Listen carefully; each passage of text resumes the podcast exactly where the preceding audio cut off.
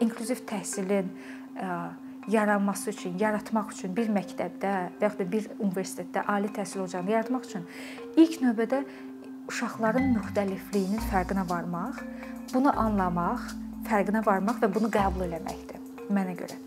Çünki uşaqların təhsildə müxtəliflik deyəndə burada sadəcə irq, din, sosial, iqtisadi fərqliliklər deyil, həm də uşaqların bacarıq və öyrənmə imkanları da daxil olur.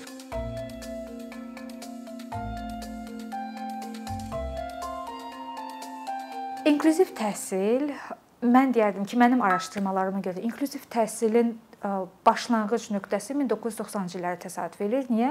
Çünki 90-cı ildə o vaxtki Amerikanın o vaxtki prezidenti Amerika əlillik aktı imzaladı və bu aktı imzalayandan sonra artıq bu nə deməkdir? Bu qanuniləşir. Əlilliyi olan insanlara qarşı diskriminasiya qanunla qadağan olunur. Və bu da təbii ki, böyük bir böyük bir belə deyək, problemlərə yol açdı. Nəyə görə? Bu günə qədər insanlar iş iş verənlər olsun, təhsil müəssisələri olsun, deyirdi ki, istəyirəm əlilliyi olan adamı daxil eləyərəm, istəmərəm daxil eləmərəm, kef mənimdir. Amma artıq bu kef məsələsi ortadan qalxır. Bu qanundur və bunu eləməlisən. Beləcə bundan sonra başladı bir çox hərəkətlər. Hamı üçün təhsil hərəkəti başladı. İlk dəfə BMT-nin bir çox təşkilatları bir araya gəldi, Dünya Bankı ilə bir araya gəldilər və böyük bir forum keçirdilər. Bu forumda təhsil hamı üçün təhsil forumu keçirdilər və bu hamı üçün təhsil forumunda qərara alındı ki, təhsili universallaşdırmaq lazımdır və diskriminativ məqamları aradan qaldırmaq üçün çalışmaq lazımdır. Bunun üçün böyük bir plan hazırlandı. Bildiyim qədərilə deyəsən 2005-ci ilə qədər davam edən davamlılıq bir planı hazırlandı. 4 il sonra 1994-cü ildə inklüziv təhsillə bağlı ən böyük qərar qəbul olundu. Bunun da adı Salamanka bəyannaməsidir. Salamanka bəyannaməsində yenə də böyük bir konfrans təşkil olundu və bu konfransa 92 ölkə qatıldı. 92 ölkə hamısı imzaladı və qərar verildi ki, insanların sosial, iqtisadi, bacarıq, hər hansı bir, yəni kriteriyalarla asılı olmayaraq hər kəsə bərabər təhsil hüququ tanınmalıdır və hər bir uşağın bütün uşaqlarla bir yerdə oxumaq haqqı var. Və bunun üçün də təhsil məsələlərində diskriminativ məqamları aradan qaldırmaq lazımdır. Və bu deyərdim ki, inklüziv təhsil məsələsində ən böyük dönüş nöqtəsi olan yerdir.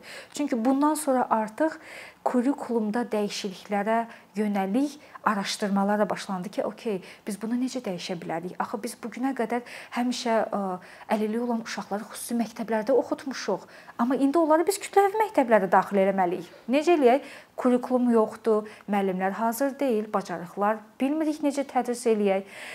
Və Beləcə dizayn məsələlərinə başlanıldı. 90-cı illərin sonuna yaxın professor Harvard Universitetinin iki professoru var. Onlar Ann Meyer və David Rose. Onlar universal öyrənmə dizaynı deyə bir pedaqoji dizayn hazırladılar ki, inklüziv kurikulumu necə dəyişək ki, əlilliyi olmayan uşaqlarda gəlib hər kəslə, yəni əlilliyi olan olmayan fərq eləmir. Bütün uşaqlar bacarıqlarından asılı olmayaraq hamı bir yerdə oxumağa başlasınlar. Və inklüziv təhsilin öz prinsipləri yarandı və bu prinsiplər nədən ibarət idi? Təhsilə maneəsiz bərabər təmsil olunma, maneəsiz bərabər giriş əldə etmək və təhsildə bərabər və maneəsiz təmsil olunma imkanları və hüquqları tanımaq. Bunu deyərkən də bu inklüzivlik, bu sadanılan ortamları necə yaratmaq lazımdır? Mən deyərdim ki, bunun başlanğıc nöqtəsi birinci müxtəlifliyi dərk eləməkdir. İnklüziv təhsilin yaranması üçün, yaratmaq üçün bir məktəbdə və yaxud da bir universitetdə ali təhsil ocağını yaratmaq üçün ilk növbədə uşaqların müxtəlifliyinin fərqinə varmaq, bunu anlamaq, fərqinə varmaq və bunu qəbul eləməkdir mənə görə. Çünki uşaqların e, təhsildə müxtəliflik deyəndə burada sadəcə irq, din, e, sosial, iqtisadi e, fərqliliklər deyil, həm də uşaqların bacarıq və öyrənmə imkanları da daxil olur. Yəni müxtəliflikləri deyəndə bunları nəzərə almaq lazımdır. Bax indi adi özümüzdən fikirləşək. Bu videoya baxanlar arasında indi insanlar öz-özünə düşünsünlər. Əgər onlar görməyən insan olsaydı, bu videoya baxanda onlar hansı maneələri və və yaxud da hansı fərqli ehtiyacları ola bilərdi bu videoya baxmaq üçün. Və yaxud da ki, eşitməyən insanlar və yaxud da ki, deyək ki, oxuma çətinliyi olan uşaqlar. Bu videoya insanlar bu videoya baxanda hansı maneələr və yaxud da çətinlikləri yarana bilərdi ən azından indi bax məsəl üçün mənim elə özümüzü özümü götürüm.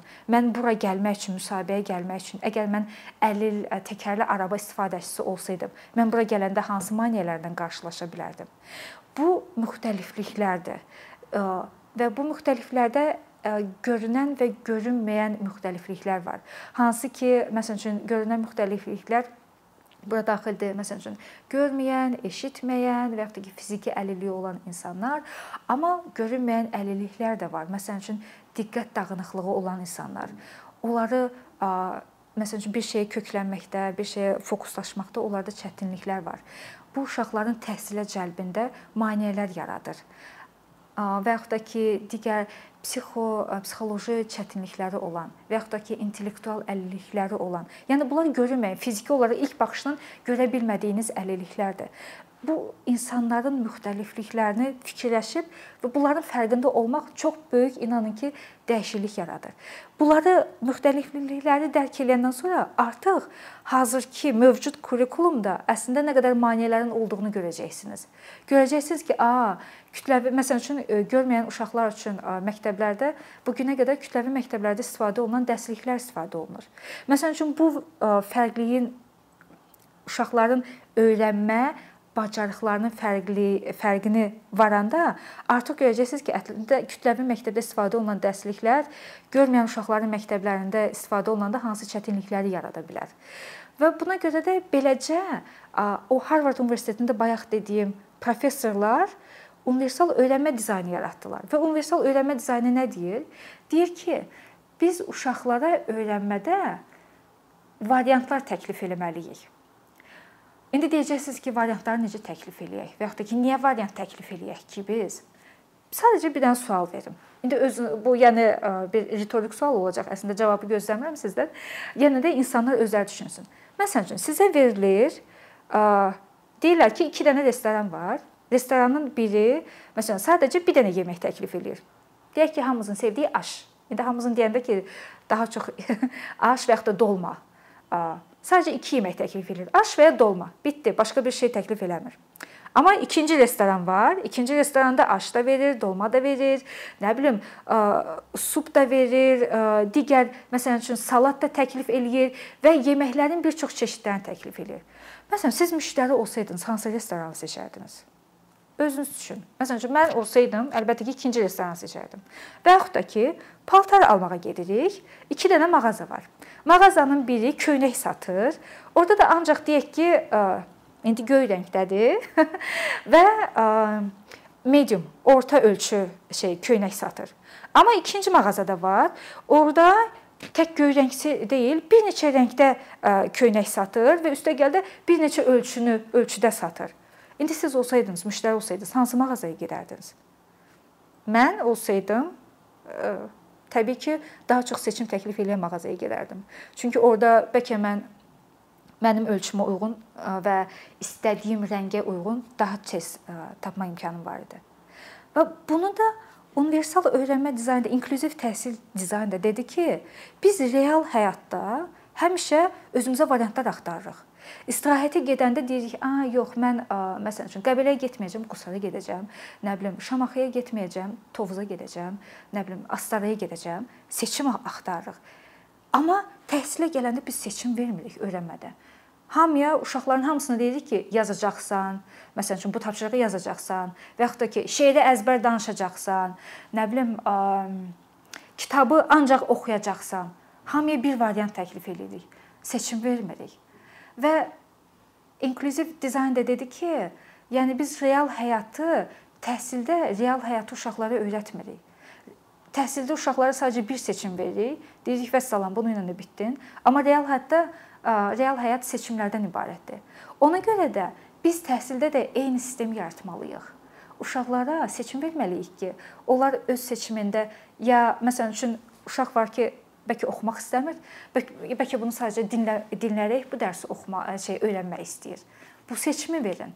Və yaxud da ki, hər hansı bir uşaq bəlkə məsələni həll eləyəndə onu sadəcə yazmaqla deyil, bəlkə şəkil çəkməklə təsvir eləmək istəyir. O imkanı verin. O yəni variantı verin uşaqlara.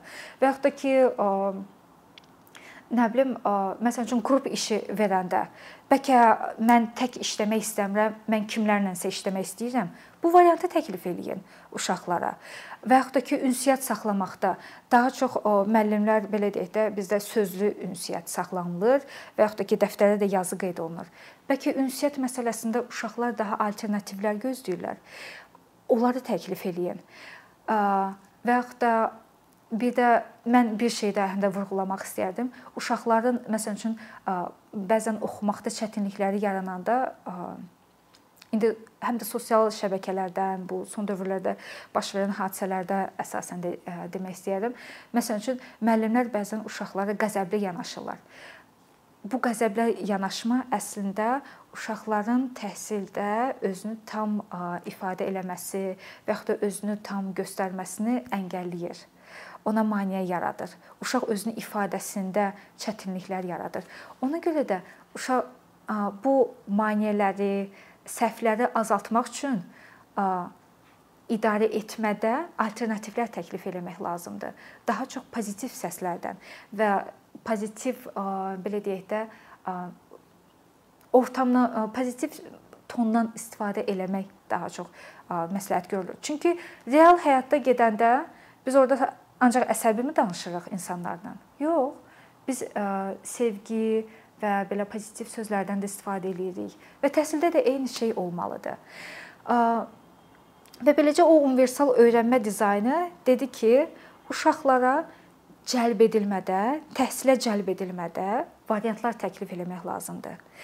Uşaqlara, təhsildə olan öyrənənlərə təqdimatda, dərsi təqdim etmə variantlarında seçimlər təklif eləmək lazımdır. Bunu sadəcə PowerPoint-lə şey göstərmə. Uşaqlara həm də bəlkə kağız şəklində təqdim elə və yaxud da ki, digital rəqəmsal formasını təklif elə. Bəlkə kimsə sadəcə olaraq öz kompüterində və yaxud da öz telefonunda oxuyacaq bunu. Və sonra da uşaqlara özünü ifadə etmədə variantlar təklif eləyin. Məsələn üçün uşaq var ki, bəlkə hər hansı bir tapşırığı sadəcə yazmaqla deyil. Məsələn, inşanı həmişə deyirlər ki, inşanı yazmalısan. Bəlkə uşaq bu inşanı sadəcə yazmaqla deyil, bəlkə PowerPoint bir poster şəklində dizayn edib təqdim eləmək istəyir. Bəlkə bu uşaq ona hansısa bir animasiya şey hazırlayıb təklif eləmək şey təqdim eləmək istəyir o inşanı. Bəlkə bu uşaq o inşanı sadəcə şəkil çəkərək təqdim eləmək istəyir. Yəni bu alternativləri təqdim eləyin. Sadəcə uşağa sadəcə yazı variantını təklif eləməklə əslində biz onu imkanlarını məhdudlaşdırırıq. Bu uşağın bəlkə animasiya bacarıqları çox yaxşıdır. Niyə onu inkişaf elətdirməyək? Və inklüziv təhsil beləcə deyir ki, uşağın güclü tərəfini tap, bacarıqlarını öyrənmədə və ona fokuslaşın. Çünki zəif tərəf bilirsiniz, hamının zəif tərəfi var. Kimin zəif tərəfi yoxdur ki?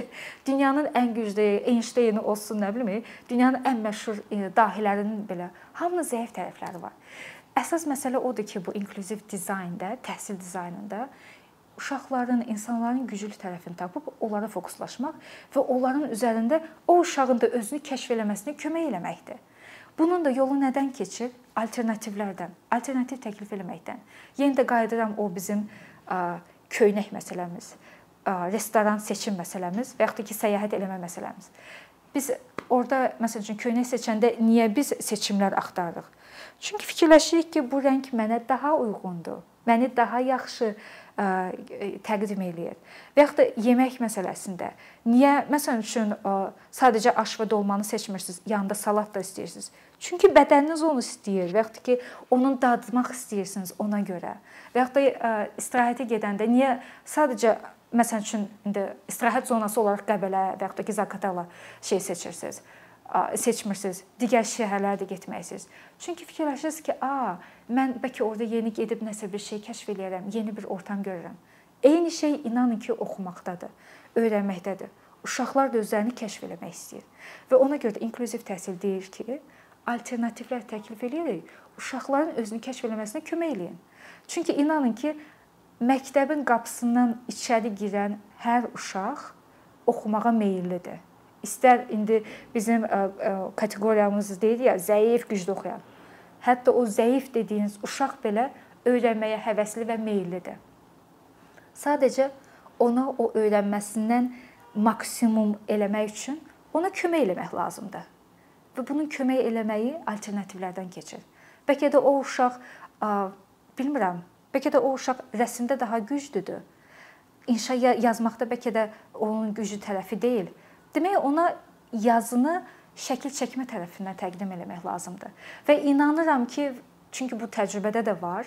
Burada bu sahədə çoxlu elmi araşdırmalar da var ki, əslində uşaqlara alternativlər təklif eləməklə uşaqlar nə qədər özlərini kəşf eləyiblər və dərsin özündə daha aktiv olublar və göstəriciləri də artıb.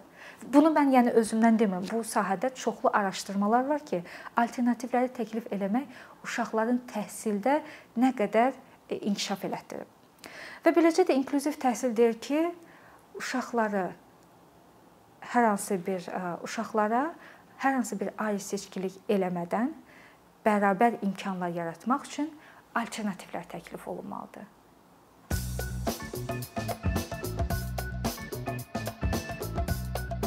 Bir neçə ildir ki, əkinçi olaraq azərbaycanlı izləyicilərin hər zaman faydalana biləcəyi keyfiyyətli və ən əsas ödənişsiz kontent hazırlamağa çalışırıq. İndiyədək təqdim etdiyimiz onlarla animasiya və yüzlərlə çəkilişlər tələbələrin, mütəxəssislərin, müəllimlərin və ümumiyyətlə yeni mövzulardan xəbərdar olmaq istəyən çox sayda insanın marağına səbəb olub. Bu illər ərzində hazırladığımız videolar təhsil, texnologiya, ictimai fəallıq, iqtisadiyyat, gender bərabərliyi, ətraf mühit, ifadə ifadə azadlığı, hüquq, demokratik inkişaf, mədəniyyət və digər mövzuları əhatə edib. Məqsədimiz çoxlu baxış gətirən deyil, çoxlu fayda gətirən videolar hazırlamaqdır. Amma bu düşündüyümüz qədər asan deyilmiş. Gördüyümüz iş kifayət qədər resurs, əmək və təbii ki, davamlılıq tələb edir. Bu səbəbdən Patreon platformasından istifadəyə başladıq. Əkinçinin Patreon hesabının populyarlaşmasına çox böyük ümidlərimiz və gözləntilərimiz var. Bəziləriniz Patreon haqqında ilk dəfə eşidirsiniz. Əslində çox sadə izahı olan bir platformadır. Təsəvvür edin ki, siz rəssam və ya musiqiçisiniz. Sosial şəbəkələrdə sizi izləyən, işinizi bəyənən çox sayda insan var. Patreon platforması sizə imkan verir ki, izləyicilərinizin könüllü aylıq ödənişləri sayəsində işinizi davam etdirəsiniz. Sərgi, konsert zallarından asılı qalmayasınız. Amma bu təkcə rəssam və musiqiçilərə aid deyil. Məsələn, əkinçiyə bənzər fəaliyyətlə məşğul olan bəzi layihələrin 10 minlərlə patronu var. Biz də düşündük ki, nə üçün əkinçinin Patreon hesabı olmasın? Sizin dəstəyiniz sayəsində sayəsində biz daha çox və daha keyfiyyətli kontent yaratmağa davam edə biləcəyik. Amma bu dəstək yalnız maddi dəstək deyil. Dəstəkçilərimizin sayının artması gördüyümüz işlərin faydalı olduğuna dair əminlik verir. Patreon platformasından istifadə çox sadədir. Hesabınızı açırsınız, sizə uyğun dəstək növünü seçirsiniz və Patreon özü hər ayın ilk günü kartınızdan seçdiyiniz dəstək növünə uyğun ödəniş tutur. Bu qədər. Sonda onu demək istəyirik ki, dəstəkçilərin sırasına qoşulmaq istəyən, amma məhdud imkana görə bunu edə bilməyənlər narahat olmasın. Daha öncə dediyimiz kimi, bizim əsas məqsədimiz daha çox insanın hər zaman faydalana biləcəyi keyfiyyətli və ödənişsiz kontentin yaradılmasıdır. Bunun üçün mütləq patronumuz patronunuz olmalısınız deyə məcburiyyət yoxdur. Amma imkanınız patron olmağa çatırsa və bizim işimizi bəyənirsinizsə, patronlarımızın sırasına qoşulmağınız bizim üçün çox önəmlidir.